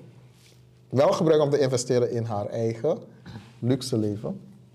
Paarden kopen, Oh, zo, auto's kopen, noem Dus, maar op. dus ze wilden 55 miljoen ophalen om iets te kunnen investeren, maar dat hebben ze niet daarvoor gebruikt, zeg maar. Nee, Oké, en als je zegt programma, wilden ze een programma opzetten? ze heeft het opgezet. Oké, En uiteindelijk hebben mensen geïnvesteerd. 55 Ja? miljoen. Maar dat hebben ze niet daarvoor gebruikt. En dat is niet daarvoor gebruikt. Hm. Dus Dat is, eh, zoals we noemen, niet netjes. nee, dat is helemaal niet netjes. Jullie kunnen het gewoon googlen op Google vrouw uit Tiel. Tiel. En daar komt het. Hier als eerste 50 miljoen euro ophaalde. En crypto kocht Nou, crypto erbij. erbij. 200% rendement per jaar. En dat zie je ook van de Fiat, die identificeert de vrouw als de drijvende kracht achter drie beleggingsentiteiten, namelijk Best Choice, Airfeed BV en Serov BV. Nou, als ik uh, hoor naar de namen, wasn't het de Best Choice. En, daadwerkelijk, Airfeed, ze heeft de voeten genomen. Met het geld, of het geld. Lekker. En Serov, ja, daar heb ik geen dingen zelf voor. Dat is een soort van... eh, Oké, dus ze doet geloven dat het mogelijk is ehm, door de koersschommelingen tussen de dollar en goud. Nou, het kan, maar als je het niet gaat gebruiken voor de daadwerkelijke doeleinden, ja, dan gaat het Ja. niet werken. dat gaat niet goed. Dan word je dus uiteindelijk aangeklaagd voor witwassen en verduisteringen. Ja, dat is niet leuk. En dat is uiteindelijk, want nogmaals, ja, dressuursport. Dat was, haar, Ah, dat was het woord wat je zocht. ja. dat was het woord dat ik zag. En wat betekent dat? Dat is iemand die eigenlijk eh, op een paard zit en eigenlijk netjes Oké, ik weet dat het bericht aan het eh, rijden is, eh et cetera. Kijk, dat zie je hier. Oh ja, Ja, zij is het niet. Dat is gewoon een voorbeeld. ik dacht eh. dat ze daar aan het wegrennen was voor dat moment. Dat ja. en tevens, eh, Geld in de zadels. ja, ze had het eh, eigenlijk al, was naar Frankrijk met haar paard. Jeez. Met een daadwerkelijke Ferrari. Het is een groot weiland met veel paarden, met veel geldtassen. Nou, uiteindelijk, hier staat het. Onderzoekers van het fraudeonderzoeksteam onthullen dat de opbrengsten zijn gebruikt voor diverse wilderige uitgaven, waaronder aanschaf van vastgoed, luxe auto's, kostbare sportpaden en uiteraard cryptocurrency. In principe Maar de er- cryptocurrency vind ik nog niet zo erg. Maar is er niet wel- fout aan, want het geld moet eigenlijk naar de investeer- investeerders terug. De rendementen die hieruit komen, Mhm. uit vastgoed, uit luxe auto's, of paardensport misschien, evenementen, moet naar de investeerders terug. Ja, kijk, als je dat doet op een integere manier om daarmee winsten te kunnen maken voor die mensen, als je dat mag, Ja. want je moet daar een licentie voor hebben, ehm, dan is het niet erg. Maar als jij dat voor jezelf gaat doen, hè, zoals je net beschrijft dat ze dingen voor jezelf gaan doen, ja, ik bedoel, eh, dat is net alsof je zegt van ik haal 55 miljoen op en ik ga een feest geven dat anderen jouw feest betalen. Ja, Terwijl het geld gewoon voor winst bedoeld is. dus, dus, uit- dus uiteindelijk uh, Weet je wat dat voor mevrouw is? boekhouster. Nee, maar weet je wat dat voor mevrouw is? Niet wat ze doet, wat voor mevrouw het is. Een hele stoute mevrouw. Ja, je stout ondeugende mevrouw. Die laat geloven dat zij de best choice is. Ja, Maar 200% rendement per jaar. Ehm, beloven aan mensen. ja dat En vastgoed dat snap je toch? was alvast voor mij een rode licht. Een stoplicht. Zij werkt bij de Rode Licht. Ja, misschien een red light district, maar Ja, dat is ook een dat, dat is ook een inkomstenbron. Misschien denk daar dat ze het wel voor de privé eh, uitgeeft. daar zou ze wel 200% maken misschien. Ja, Ja, nou dat ja, minimaal. Ja, dus zo heb je eigenlijk overal de berichten. En... Oh ja, valse facturen Hoe staat er bij deze. Dus ze heeft best wel heel veel stoute dingen Dus gedaan. ze heeft eigenlijk expres, zonder, zonder het per ongeluk te hebben gedaan, hebben ze eigenlijk expres vervalsingen eh, gemaakt om dan dit te gaan doen. Dus hier heb Dus je alles dus is expres. eigenlijk een lange gevangenisstraf. Ja, dat hoop ik al, ja. Want, eh, Als fraude zit erin, witwassen en verduisteringen. Als je dat zo expres doet en mensen een beetje eh, de maat neemt. Nou, je integriteit staat heel hoog bij ons en ik neem aan bij heel veel anderen. Dat dit niet netjes is natuurlijk. Nee. Nou, dus dat was een van mijn berichten dat ik interessant vond afgelopen week. Eh, Het is een bericht van vijf dagen geleden, zoals je hier ziet. Eh, ja, er zijn een aantal van deze berichten of deze bedrijven die eh, eigenlijk nu aan de gang zijn. Laatst in Suriname ook en in arme landen als Suriname is dat ook nog zwaarder voelbaar. Want daar heb je dus de ja, de armsten die worden uitgebuit. Dus dat is eigenlijk, eh, je ziet, het wordt overal gedaan en ik zeg altijd van, geloof niet in luchtkastelen. Nee. Ja, kijk, eh, groot dromen, maar niet overal intrappen, zeg maar. Beleg in echte kastelen, maar niet in luchtkastelen. Dat is mooi. Dat is een goeie. Dat is een hele mooie. Top, dan heb ik één heel, ik denk heel interessant bericht. Zeker voor de mensen die richting de 28, pl- 30 plus zijn. Over Intertoys. Ehm, de speelgoedketen Intertoys staat in de verkoop, staat zonder op internet. En dit vond ik interessant, want eh, ik denk dat jij er ook al mee bent opgegroeid, Intertoys. Ehm de Bij eigenaar... ons heet het Sweetheart. Hè? Bij ons heet het Sweetheart. Sweetheart? Sweetheart. Sweetheart. Dat was een uh, Intertoy van Suriname. maar niet van Intertoys. Eh, Oké, dus het is een ander bedrijf ook, of niet? Of Ja, dat, een- of dat is daar jullie favoriete speelwinkel? Juist. Oh, Oké. Het is uiteindelijk Zeg een speelwinkel. Dus we zijn met speelwinkels opgegroeid. Ja. Om het zo te zeggen. Nee, Tenminste ja, in mijn dingen ook die tijd. Nou, vooral kijk, eh, dat ik jong was. ehm Intertoys bestond al. Bart Smit ook al, volgens mij. Maar Intertoys sowieso. En eh, ik ging eigenlijk voor mijn spelletjes ging ik altijd voor de Playstation en dat soort dingen ging ik altijd naar Bart Smit. Want vond ik daar gewoon wat beter.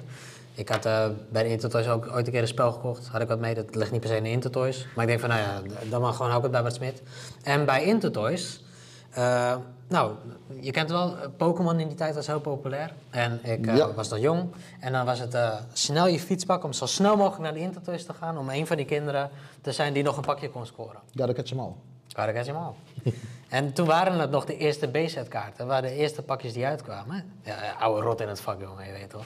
Heb je Pokémon meegemaakt? Ik heb het meegemaakt. Of wat meegedaan? Ik heb alleen maar gespeeld op, wat was dat? De, Game Boy. Game Boy. Ja. Ja. Nee, ik heb ook echt de kaart verzameld. En, en pas geleden ook nog wat dingen verzameld. Ehm, En ook wat vintage kaarten, het is, het is nu vintage, maar toen was dat normaal. Ik kocht in een base, basepakje. Maar ik had het laatst over met je. Ik had die kaarten, maar die zijn allemaal gewoon weggegooid. Ja, maar dat hebben er heel veel gedaan. Maar dat hebben ze ook met bitcoin gedaan, toch? Ja, dat je gewoon, een eh, ja. bitcoin dus dat bedoel ik van, je weet het niet en je gooit ze weg. Maar eigenlijk, toen was ik dus al met waarde bezig. Want ik vond het toen al zuinig in hoesjes, voorzichtig mee doen. Dus ik zag toen ook alweer een waarde ergens in. In plaats van met alleen met ondernemen, dat die Pokémon kaart ook eh, wat zouden kunnen gaan doen. Eh, dus dat was ook eh, sets verzamelen. En dan kwam er, was eerst volgens mij B-set. Toen kwam Jungle uit, toen Fossil, toen Team Rocket dinges. Eh, allemaal gespaard. En eh, dan stond je buiten en dan ging je buiten dat pakje openmaken. Of, ja, de- de- nou, ik heb ook heel veel, ehm, dat weten mijn ouders ook wel, hè, dat als je zakgeld meekreeg, dat ging niet op aan eten, maar aan een Pokémon kaart. Maar in het begin durfde dat niet, want je ouders hadden zoiets van, je gaat niet je geld uitgeven aan kartonnen kaartjes. Aan kartonnen dingen. Dat was toen nog eh, niet, niet zo'n ding, was nog niet veel waarde. Dat had ik ook. Want ehm, wij waren gewend met comic books. Oh ja, Weet je, dus dat was toen wel al een waarde. stripverhalen, Ja. om het zo te Ja. zeggen. Zoals eh, Spider-Man, als je nou die Spider-Man eerste editie had, et cetera. Ja. Kan je best wel wat aantal dollars of euro voor Dat krijgen. had toen wel al een bepaalde waarde. bepaalde waarde. Dus dacht je van, ga je voor zo'n één klein kaartje misschien eh, nog geld krijgen? Nee, hadden, hadden we nooit gedaan. Of tenminste, ik niet. Ik heb één kaart, eh, eh, ik heb meerdere kaarten naar Amerika gestuurd om die te laten graden. En dat deed ik bij Beckett. En ehm, één kaart van Nio, die heb ik zelf getrokken, die was nog zo goed in staat. Ik dacht van, ik ga die gewoon meesturen, ik laat hem graden. En die kreeg ik terug als 9,5. En dat is net een half punt voor het hoogste. Maar had ik nooit verwacht, want die had ik als kind. En die heb ik niet zo heel lang laten graden. En die 9,5 die zit al gewoon boven de 4000 euro al. Of dollar, weet ik veel wat. Maar die doe ik gewoon niet onder de 20k weg, omdat hij weet wat hij kan gaan doen. Weet je? Nou, dan, was je, eh, dan maakt hij buiten dat pakje open bij een Intertoys. Stel je fietspakken snel bij een Intertoys, pakje openmaken. En dan weet je gewoon, iemand, eh, iemand riep, yes! En dan weet je gewoon, oh, die hebben glimlanden. Dat was gewoon een ding toen, weet je. Dat was gezellig, was leuk. En ehm, ja, dat werd, dat werd gewoon zo populair. Ik ben dat gaan sparen. En eh, ik heb nog best wel wat kaarten, nog kaarten in mijn map eh, heb ik nog bewaard. Ja, Ja. dat, dat, dat is eigenlijk wat je wel mist in deze tijd. Is die eh, sociale interactie van eh, kinderen onderling. De emoties dat erbij zijn. Ja. Ja. Oké, je ziet het wel misschien als je dan eh, video gamet, misschien nog, dat wel. Ik heb ook die games gespeeld. Ja. Dus dan eh, kan je ook wel zien van hoe iemand reageert. Maar natuurlijk, het was wel leuk als we echt gewoon de game samen gaan spelen, pe- eh, person Ja. to person. Eh, ja, dus eh, Ik, eh, dus ja, eh, ja ik, ik, ik schrok ervan. Ik van, ja, tuurlijk komt er een keer een tijd dat een eigenaar zegt, zeker als het al lang bestaat en dat jou eh, je jeugd ermee hebt opgebouwd. Ik, toch, we mogen wel zeggen dat Intertoys een van de, van de dingen is die onze jeugd toch een leuke, leuke draai heeft gegeven. En eh, het, gaat om de eigenaar, de 70-jarige heer Witteveen. En die heeft zoiets van, het is tijd om het stokje over te geven, want ik heb helaas niet het eeuwige leven. Nou, en het rijmt eigenlijk, hè? onbewust. Ja, heb jij herinneringen aan Intertoys per se? ja. Want het is natuurlijk mijn persoonlijke ervaring, maar er zijn natuurlijk mensen die ook hun eigen ervaring hebben met Ik heb, eh, net als wat ik zei, ik kom uit Suriname zelfs. En eh, daar hadden we Sweetheart en niet echt zulke grote eh, ehm, eh, speelgoedzaken als Intertoys. Maar toen, toen ik hier eigenlijk kwam met mijn kinderen, heb ik eigenlijk daar de ervaring mee opgebouwd. Voor de kinderen de spulletjes kopen, noem maar Ja. Pokémon kaarten, speelgoed. Brandweerman Sam, al die dingen, eh, eh, brandweerautootjes. eh, ja, dus het Ja. heeft een deel uitgemaakt van ons leven. En nu zie je van hoe dat ook verdwijnt. Want de laatste waren hier in Rotterdam verdwenen en een paar komen wel weer terug onder een andere naam en een andere brand. Maar uiteindelijk zie je van dat de kinderen ook geen behoefte meer hadden aan de speelgoed. Nou, Tenzij ze, eh, ja, het is een fase in in, verband met de digitaliteit bedoel je? In, in, in Oké, verband ja. met digitalisering Ja. en eigenlijk een online inkopen van eh, producten, eh, dropshippen, et cetera. Ja, dat ze natuurlijk meer op een Amazon. iPad bezig zijn dan dat ze een autootje pakken. Ja, klopt. En nu heel vaak met de telefoon bezig. Ja. Dus games Ja. spelen of tablets of computers. Ja, Dus dat zie je wel verminderen. Je hebt nog de, mensen, de, de kinderen die van fysieke dingen zouden speelgoed. Eh, ja. En Ja. ik heb geen kinderen meer, dus eh, tenminste kleine kinderen meer. Dus die, die kiezen ook niet meer voor een transformer. Mhm. ik schrok. Ik denk, je hebt geen kinderen. Dacht, wat? Huh? Transformer kind, eh, speelgoed of Ja. zoiets. Dus ze zijn al in de puberteit, dus die willen andere speelgoed hebben. Om Ja, zo te zeggen. andere bezigheden natuurlijk. Je wordt een keer ergens te oud voor. Ja. Ja, ik wil gewoon zeggen, heer Witteveen, als u dit ooit ziet, of eh, ooit te horen krijgt van iemand... eh, bedankt voor de mooie herinneringen en bedankt voor een mooi stuk extra eh, positieve jeugd. Ja, Bedankt voor alles. Daar hebben heel mooie herinneringen aan. En mogen levenslang met ons meedragen. Dankjewel. ja, dankjewel voor alles. Yes. Dat is jouw turn. Dan heb ik over van een belangrijk onderwerp waarover we het hebben de laatste tijd. En dat is de fatbikes. Oh, ja, ja, ja, ja. Dat is heel mooi. Zo, Ja, heb je ja. dat gelezen? Ja. Nou ja, nee, ik maar ik zie ze heel vaak rijden. Ja. En denk van, dat is ook wel vet om te hebben, zo'n fatbike. Ja, maar dan heb je ook weer dat de verzekeraar je niet meer wil verzekeren voor. Oh. ANWB, die stopt met alle verzekerings voor de fatbike, omdat in Amsterdam de kans zo groot is dat je, fiets- eh, je, je, je fatbike wordt gestolen. Hmm, Ja, het is natuurlijk een duur product en eh, populair. Ja. Maar is het ook omdat ze onder een bepaald voertuig nu vallen, of is dat niet het geval? Nee, het is gewoon van, omdat de, ja, ja, de diefstalcijfers zo groot zijn in Amsterdam, ehm, zijn, is het niet winstgevend meer voor hen eigenlijk. Of het, ja, het is een hoogrisicoverzekering. Ja. Maar wat denk jij daarover? Zou je dan als eh, verzekeraar zo gelijk willen stoppen? Of zou je andere oplossingen proberen aan te bieden of te zoeken? Ik, denk- wel dat er bepaalde ideeën liggen om dit te kunnen oplossen. Want eh, ja, anders zou je nooit eh, met alle plezier zo'n ding kunnen kopen natuurlijk. Ja, dus ik denk- ik denk- Een extra stukje verzekering is dan nooit verkeerd. Ik denk altijd in oplossingen. Ik zeg van, zeg, zeg gewoon tegen die mensen dat ze gewoon een trekker erin misschien kunnen zetten. Ja, ja, ja. Dan pas worden ze verzekerd. Weet je, dat is de... Maar dan zal een excuusverhaal wel zijn van dat kunnen we niet doen, want dan kunnen ze ook eruit halen met tools en et cetera. Dus dat, blijf je, dat blijft een ja-nee-verhaal, denk ik. Ja, maar je hebt eh, eigenlijk nu zelf dat de fatbike gaat komen met een GPS-trekker ingebouwd. Ja, die ze niet eruit kunnen halen. Die ze niet eruit kunnen halen. Maar in principe kan je ook gewoon... eh, eh, eh, je hebt eentje, dat weet ik nog, want ik heb zelfs een fatbike. Moet je daar nou een helm voor op? Nee, voor de fatbike Oh. heb je geen helm.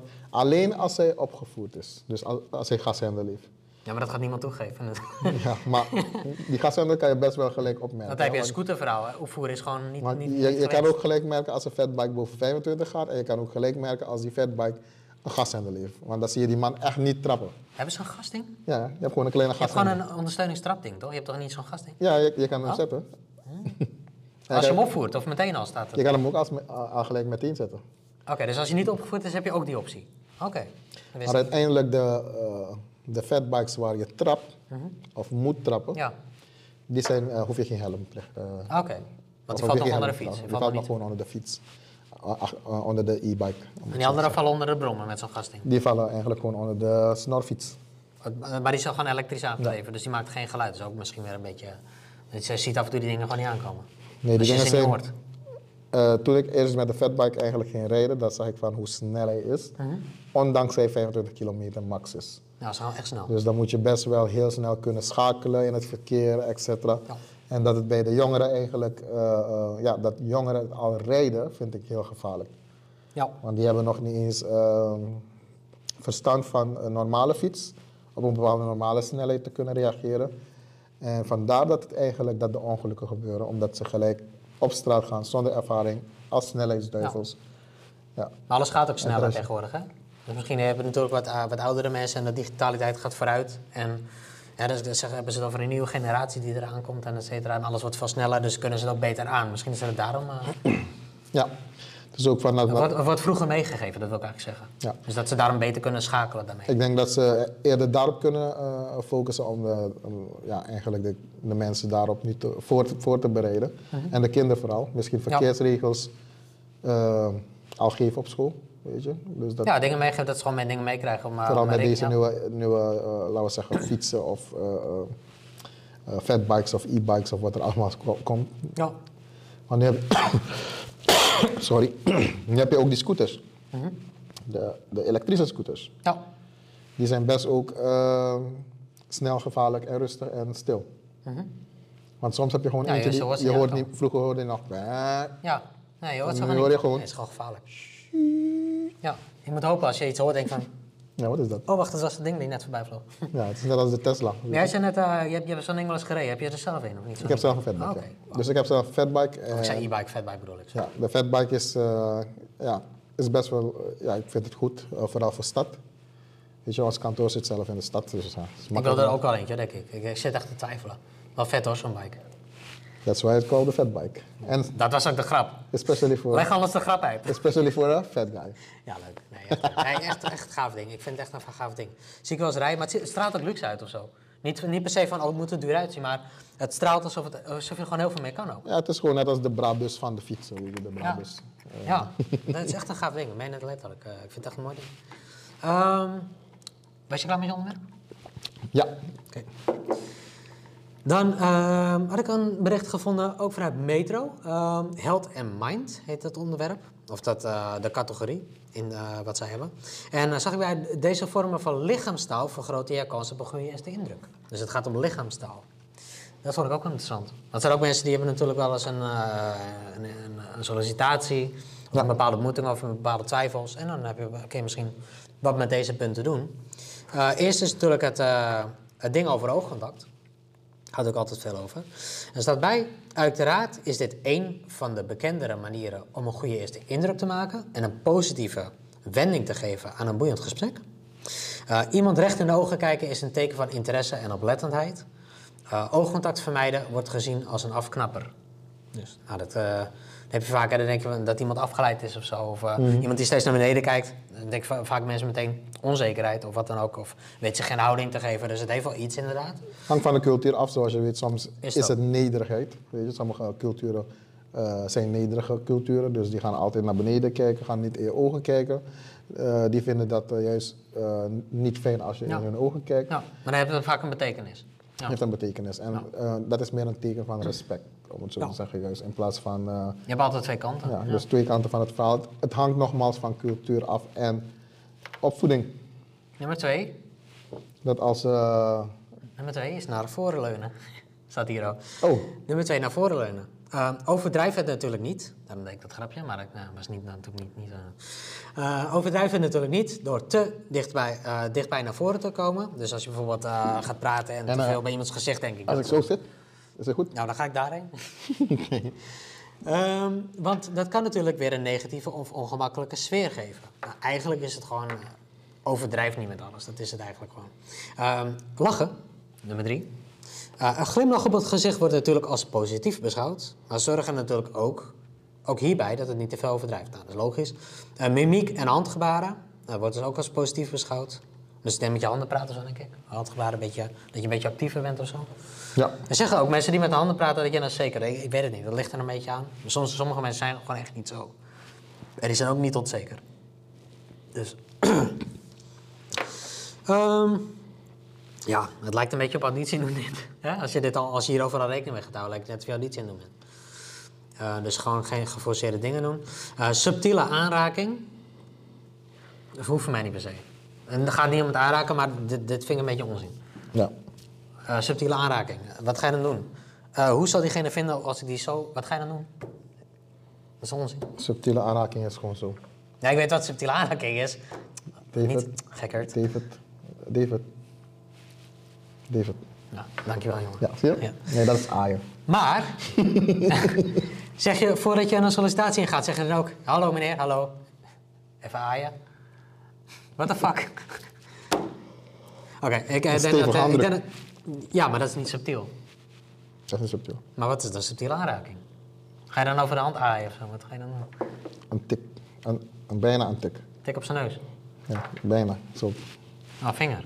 Ja, oké, dan mag het. Eh, zeven. Ja, dat, ver- ah, dat verzamelt eigenlijk alles wat, we- wat, wat we net, net hebben gezegd. Niet overdrijven. Ehm, ja, dat is toch een, emo- een emotie in de stem, subtiele aanraking. Ja, of zie ik dat verkeerd? ja. Dat is toch ook overdrijven dan? Eh, emotie in de stem. Oh, die ben ik, heb ik overgeslagen. Eh, emotie in de stem. Dat is ook eentje. Nou, die hebben we gehad. Eh, subtiele aanraking hebben we ook gehad. Maar ik denk dat die twee ook een beetje overdreven zijn gewoon. Die twee topics. Van die, eh, van die zeven eh, punten die ik heb doorgenomen. Ja. Emotie in de stem. Ik denk emotie in de stem heeft te maken met eh, ja, enthousiasme dat je uitstraalt. Dat je, ja, kijk, dat je niet te zacht praat. Want dat komt onzeker over. Ik denk dat ze dat een beetje bedoelen. Nou, Nu kan ik bijvoorbeeld niet hard praten, want als ik te hard praat, dan moet ik hoesten. Dus ja, nu ja. Nee, oké, ja, dat was het topic aan lichaamstaal. Nou, jouw... eh, Nou, als laatste topic heb ik, en dan denk ik dat we kunnen afronden. Heb- Als jij nog een topic hebt, misschien daarna. Ik heb precies nog eh 28 topic nee, grapje. Ja, Nee, genoeg, nee, ik, heb, eh, ik heb nog... Ja, ik kan wel wat over... Deze wil ik wel even bespreken, want die is echt heel belangrijk. Oh ja, dat Die is echt zijn, wel die, belangrijk. die kan je sowieso bespreken. Ja. Maar eerst de van mij. Ja, sowieso. Twee toeristen op jetski doodgeschoten bij de Algerijnse kust. De Algerijnse kustwacht heeft twee toeristen doodgeschoten toen die aan het jetskiën waren. Ja, ik dacht ze dat ze in de GTA zaten. Een derde persoon zou opgepakt zijn. Dat, schrijf, dat schrijven Marokkaanse media. De toeristen verbleven in Marokko, maar zouden met hun jetskis per ongeluk in het Algerijns, Algerijnse water belanden, beland zijn. Zo daar grenzen over gegaan. Ja. Dan Dus, knallen ze ze neer. dit zeg ik tegen mensen. Het is heel simpel. Als je op vakantie gaat, gaat ga niet zomaar naar plekken waar je niet mag. En vooral niet over de grens. En doe je onderzoek voordat je ergens heen gaat, lijkt mij. Ja. Het is gewoon van, eh, je ziet het een klein beetje met een jetski, kan je dood zijn.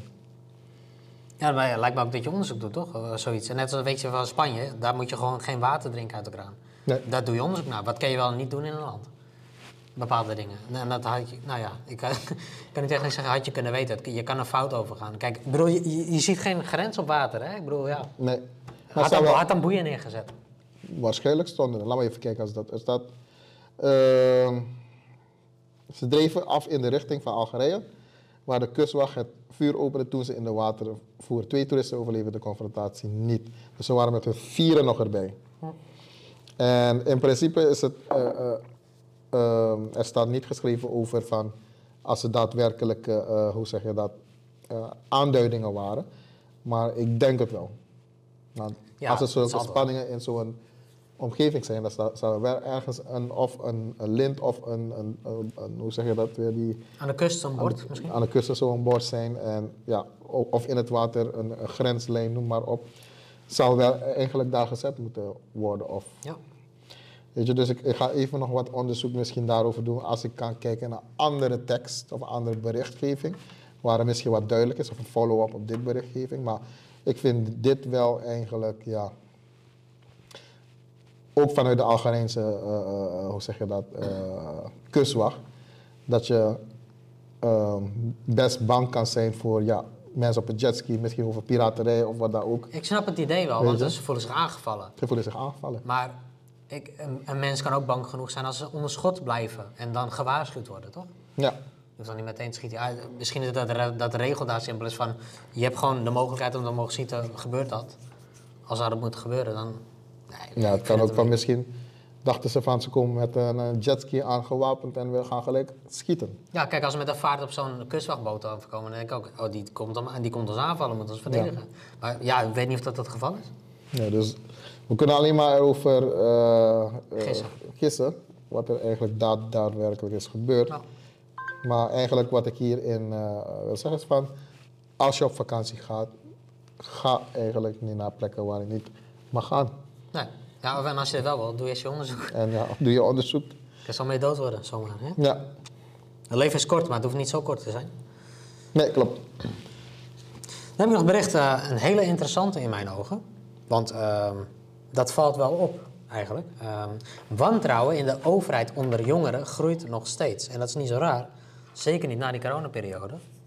Eh want mensen trekken toch wel een conclusie en mening over hoe het systeem te handen gaat. Ehm, het vertrouwen in de overheid heeft sinds de pandemie, dat zou corona zijn, bij de jongeren een behoorlijke deuk opgelopen. Nou, en ik denk trouwens niet alleen bij de jongeren. Ik denk bij heel veel mensen, hè, ook met ouderen, mensen van gemiddelde leeftijd. Ehm wat zijn natuurlijk ook heel veel ondernemers die natuurlijk gesloopt zijn. Hè? Ik bedoel, eh, hè, dat ze zaken kwijtgeraakt zijn door de pandemie. Faillissement. Zo, nou behoorlijk. En er zijn echt mensen eh, hè, die een verhaal hebben gedaan, testimonial. Ja, alles wat ik hier gewoon 20 jaar heb opgebouwd is gewoon binnen een jaar weg. Nou, dan gaat je bedrijf. En doet de overheid er wat aan? Ja, ze zeggen van oké, je mag jouw belastingschuld in termijnen betalen. Ja, Weet je, dus eh, ja, ik vind dat van dat sommige belastingschulden gewoon kwijtgescholden moeten worden. dat Want is we hebben gewoon ja. daadwerkelijk schade geleden. Ja, en zonder iets gedaan te hebben. En zonder iets gedaan te hebben. Kijk bijvoorbeeld als we kijken naar de horecasector ook vooral. best grote schade. En dat klopt, het, klopt- het, is ook, het is ook raar, want ze zeggen van ja, het is zo de regels dat sommige mensen veilig te houden. Maar dat klopt gewoon niet. Want je had die avondklokken bijvoorbeeld, ja. Je mocht wel, je mocht niet na negen uur naar buiten, maar je mag wel met z'n vier in de winkel. Maar met z'n, met z'n vier in de winkel is toch dichter op elkaar en gesloten ruimte in plaats van negen uur naar buiten gaan. Daar klopt er geen moe van. We konden, tenminste, er zijn zoveel zaken waarover we kunnen praten over de coronatijd. Maar alleen het gaat erom van, is er vertrouwen nog Nee, bij de overheid? Nee, hebben heel veel mensen niet meer. Nee, de En heel, dat is ook logisch, meer dan terecht. we zien het vaker genoeg dat eigenlijk eh, de overheid zijn vertrouwenspositie eigenlijk begint te verliezen. Misschien hangt het aan de politiek af. Eh, vaak wordt er gediscussieerd als jullie kijken naar de eh, gesprekken binnen de Tweede Kamer. En heb je gewoon twee duidelijke kampen. Waar, wat er nu eigenlijk aan de gang is. En straks Ja. hebben we de verkiezingen ook weer, denk ik. Hè? Dat, dat natuurlijk. en het gaat ik denk dat het nog lang niet over is. Want ten eerste moet er nog heel veel hersteld worden. En ten tweede eh, komen er weer kleine puntjes elke keer weer terug, waardoor het weer bespreekbaar wordt. Ja. Weet je, mensen zijn niet alleen financieel gewoon gesloopt, maar ook gewoon emotioneel, eh, fysiek en mentaal. Ja. Weet je, want het stra- slaat ook over op stress. En we En, hebben eh, ook heel veel artikelen gezien waar eigenlijk mensen depressief zijn geraakt door de corona. En zelf ook de zelfmoordcijfers omhoog zijn gegaan. Zo ja, nou.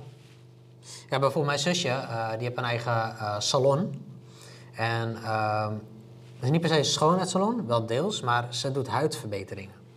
En die kreeg dus een bedrag per maand om haar kosten te kunnen dekken eh, voor een bepaalde periode. En ze waren een aantal, volgens mij via de belasting kreeg je dat? Ja, dat je een de bepaalde dekking kreeg. Je krijgt natuurlijk niet alles, maar er is een bepaalde afspraakbedrag gemaakt. En dat kregen bepaalde instanties, afhankelijk van welke sector, je een bepaald bedrag om bepaalde dingen te kunnen dekken. Maar dat heeft niet iedereen mogen, eh, van mogen genieten. Dus hè, val je niet in een bepaalde sector. eh, kijk bijvoorbeeld, eh, daarom werd dat mondzorg in de Tweede Kamer heel erg naar voren gebracht. Ehm, mijn zusje valt onder categorie verbetering, net als de tandarts. Dus het zijn dingen die dagelijks nodig kunnen zijn. Bijvoorbeeld huidverbetering. Iemand kan een huidziekte hebben en die moet behandeld worden, want anders wordt hij ziek, bijvoorbeeld. Dus mijn zusje viel onder die categorie, waardoor ze die bedrag per maand mocht hebben om nog wat dingen te kunnen doen. Zeg maar. En dan, je mag niet te lang open blijven, want dan kreeg je een boete. Dat was die periode. Ehm, ik vind dat, dat, dat wantrouwen ding helemaal niet zo raar. Weet je, het, het, is, het is niet... Het is, er wordt een keuze gemaakt zonder eigen keuze van de mensen zelf. Een Is het, systeemkeuze. nou, is het nou democratisch nog steeds zo'n eh, systeem Ja. waarin we nu zijn? Ik denk het niet. Democratie heeft te maken waar het volk eigenlijk regeert en bepaalt. Ja. En eh, nee, we zijn gewoon nog steeds in een, eh, een, een, een- laten we zeggen, een, beslissende eh, maatschappij van de overstes, dus de overheid of de koning, of eh degene die boven de koning zijn misschien nu in deze tijd. Die kennen wij niet, maar dat zal, kennen wij niet, maar zijn. eh, ja, er zijn veel meer mensen met eh, heel veel geld in de wereld die eigenlijk bepalen. Dus ehm, Ja. Wij willen terug naar een overheid die we kunnen vertrouwen en die echt daar voor ons zit om eigenlijk, ehm, hoe zeg je dat, een, eh, een, een, een goede samenleving te kunnen creëren. ja, die gewoon het beste met ons voor heeft. Die het beste eh, heeft voor ja. ons, om het zo te zeggen. Maar ik denk in het systeem waar we nu zitten, worden heel veel mensen juist bestraft en juist meer in de eh pinari gebracht. Ja, er is ook geen leidraad. Het, is één grote chaos. Het is, net zoals die, als je die, eh, die elf, elf, elf uur lange eh, eh, dingen zou kijken, die kamerdebatten. Het is alleen maar een ja-nee verhaal en, en ze zitten elkaar af te maken. Ja, maar er komt niet echt een, eh, Er komt geen oplossing uit. duidelijke oplossing. Dus er zullen wel dingetjes veranderen. En er zijn ook wel, er zijn ook wel een aantal dingen veranderd, natuurlijk. Er zijn ook dingen positief veranderd voor de mensen. Maar ehm, de dingen die echt... het, is, het is net alsof je... stel, ik breng mijn auto weg... eh, en mijn motor is stuk en ze gaan constant die banden vervangen... omdat ze denken dat ze daarmee kunnen oplossen. Dat gebeurt hier ook. Elke keer kleine dingetjes veranderen, maar de bron wordt niet opgelost. En dat is het probleem elke keer. En dat zullen heel veel mensen al weten. Want dat, ze- de, de wantrouwen groeit. Onder jongeren staat hier dan. Maar dat gaat al een tijdje zo. Niet alleen door die pandemie. Er, zijn al, worden steeds meer mensen wakker. En die laten zich gewoon niet meer in de zijk nemen. En die voelen zich ook niet, niet gehoord. En dat zeggen ze, zelfs sommige partijleiders die zeggen dat ook in de Kamer. Mensen voelen zich niet gehoord. Die willen echt wat voor de mensen doen. Maar ja, als ze niet gekozen worden, ja, dan, dan zit je weer. Er was een eh, visie ooit over een overheidloze samenleving. Denk je dat het mogelijk is? Dat, dat wordt ook een beetje chaos. Ik denk dat er wel een bepaalde sturing moet zijn. Maar het is niet meer leuk, het is niet meer leuk en niet realistisch meer. In principe in, eh, de technologie van blockchain en AI, Dat, dat is wat anders. Daar, is het, is het wel mogelijk. Is het wel Nee, daar mogelijk. moet je eigen grip Weet je, en eh, het enige wat je niet gaat kunnen vervangen misschien is eh, defensie. Ja, defensie kan je wel met robots vervangen sowieso. Eh, maar voor de rest- met drones en Ja, polities, al die dingen, eh, die kunnen ook vervangen worden in de toekomst. Weet je, als jullie gewoon naar Robocop hebben gekeken, een hele oude film. Dus uiteindelijk, je kan een mensloze overheid eh, creëren. Wat wel eng lijkt, maar eigenlijk is, ehm, als je kijkt ook weer naar blockchain technolo- technologie, is het gewoon afspraken die nagekomen moeten worden. Ja. Net zoals uh, smart contract bedoel je? Ja, smart contract. Dus transparant kunnen de afspraken gerealiseerd worden of eh, nagekomen worden. Plus, als er veranderingen moeten komen in zo'n eh, overeenkomst of een afspraak, dan komt het daadwerkelijke kiesrecht of het voting right weer van toepassing. Dus ik vind het gewoon een beetje logisch klinken waarom jongeren minder in de overheid gaan geloven omdat, of eh, eh, vertrouwen. Omdat ik denk dat we ook richting die kant gaan waar we ook eh, ja, een ander soort overheid zullen krijgen in de toekomst. Misschien maken we- wij dat niet meer mee en onze kinderen dat mee. Maar daarover hoeven wij geen zorgen niet te maken. Nee. Nou, het is gewoon... eh, me- mensen worden steeds meer wakker. Dat, dat, dat, dat is gewoon een feit. Je merkt een verschuiving.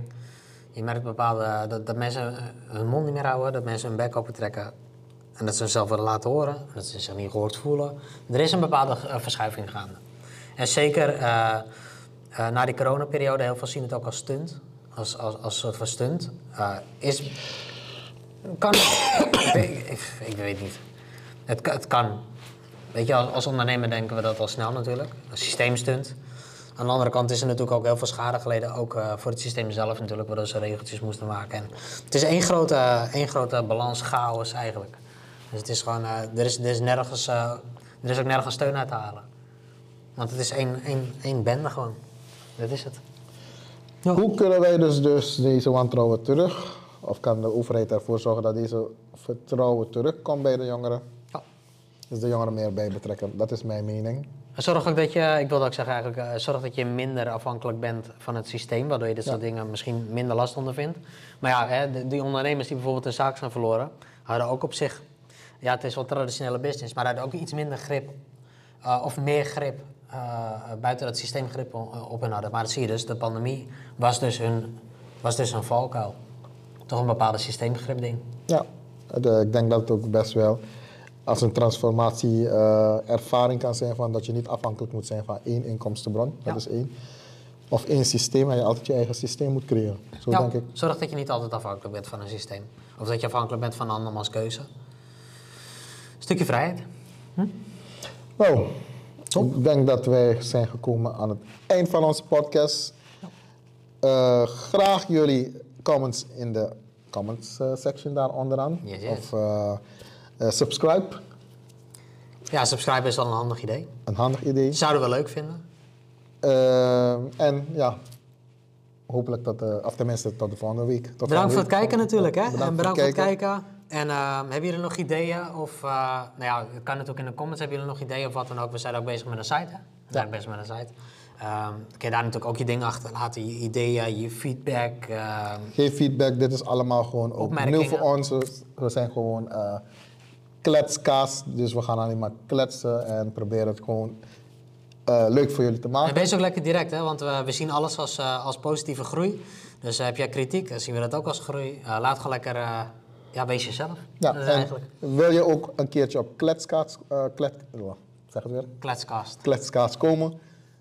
Stuur ook een, bericht, een bericht naar ons. Ja, misschien is het ook wel leuk als we de mensen ook de kans geven om een, eh, om een belletje te kunnen doen als ze iets kwijt willen. Ja, en binnenkort hebben we de website, zoals David zegt. van, Daar zal wel ook allemaal dingen op zetten. Zo leuke dingen erop zetten, zodat je ook op kletskaart kan komen. En ook komen kletsen met ons. Hoop dat jullie het leuk hebben gevonden. Ja. En tot de volgende keer. Bedankt voor het kijken. Mijn naam is David. Mijn naam is Julio. Thank you, tot de volgende keer. Yo! Yo.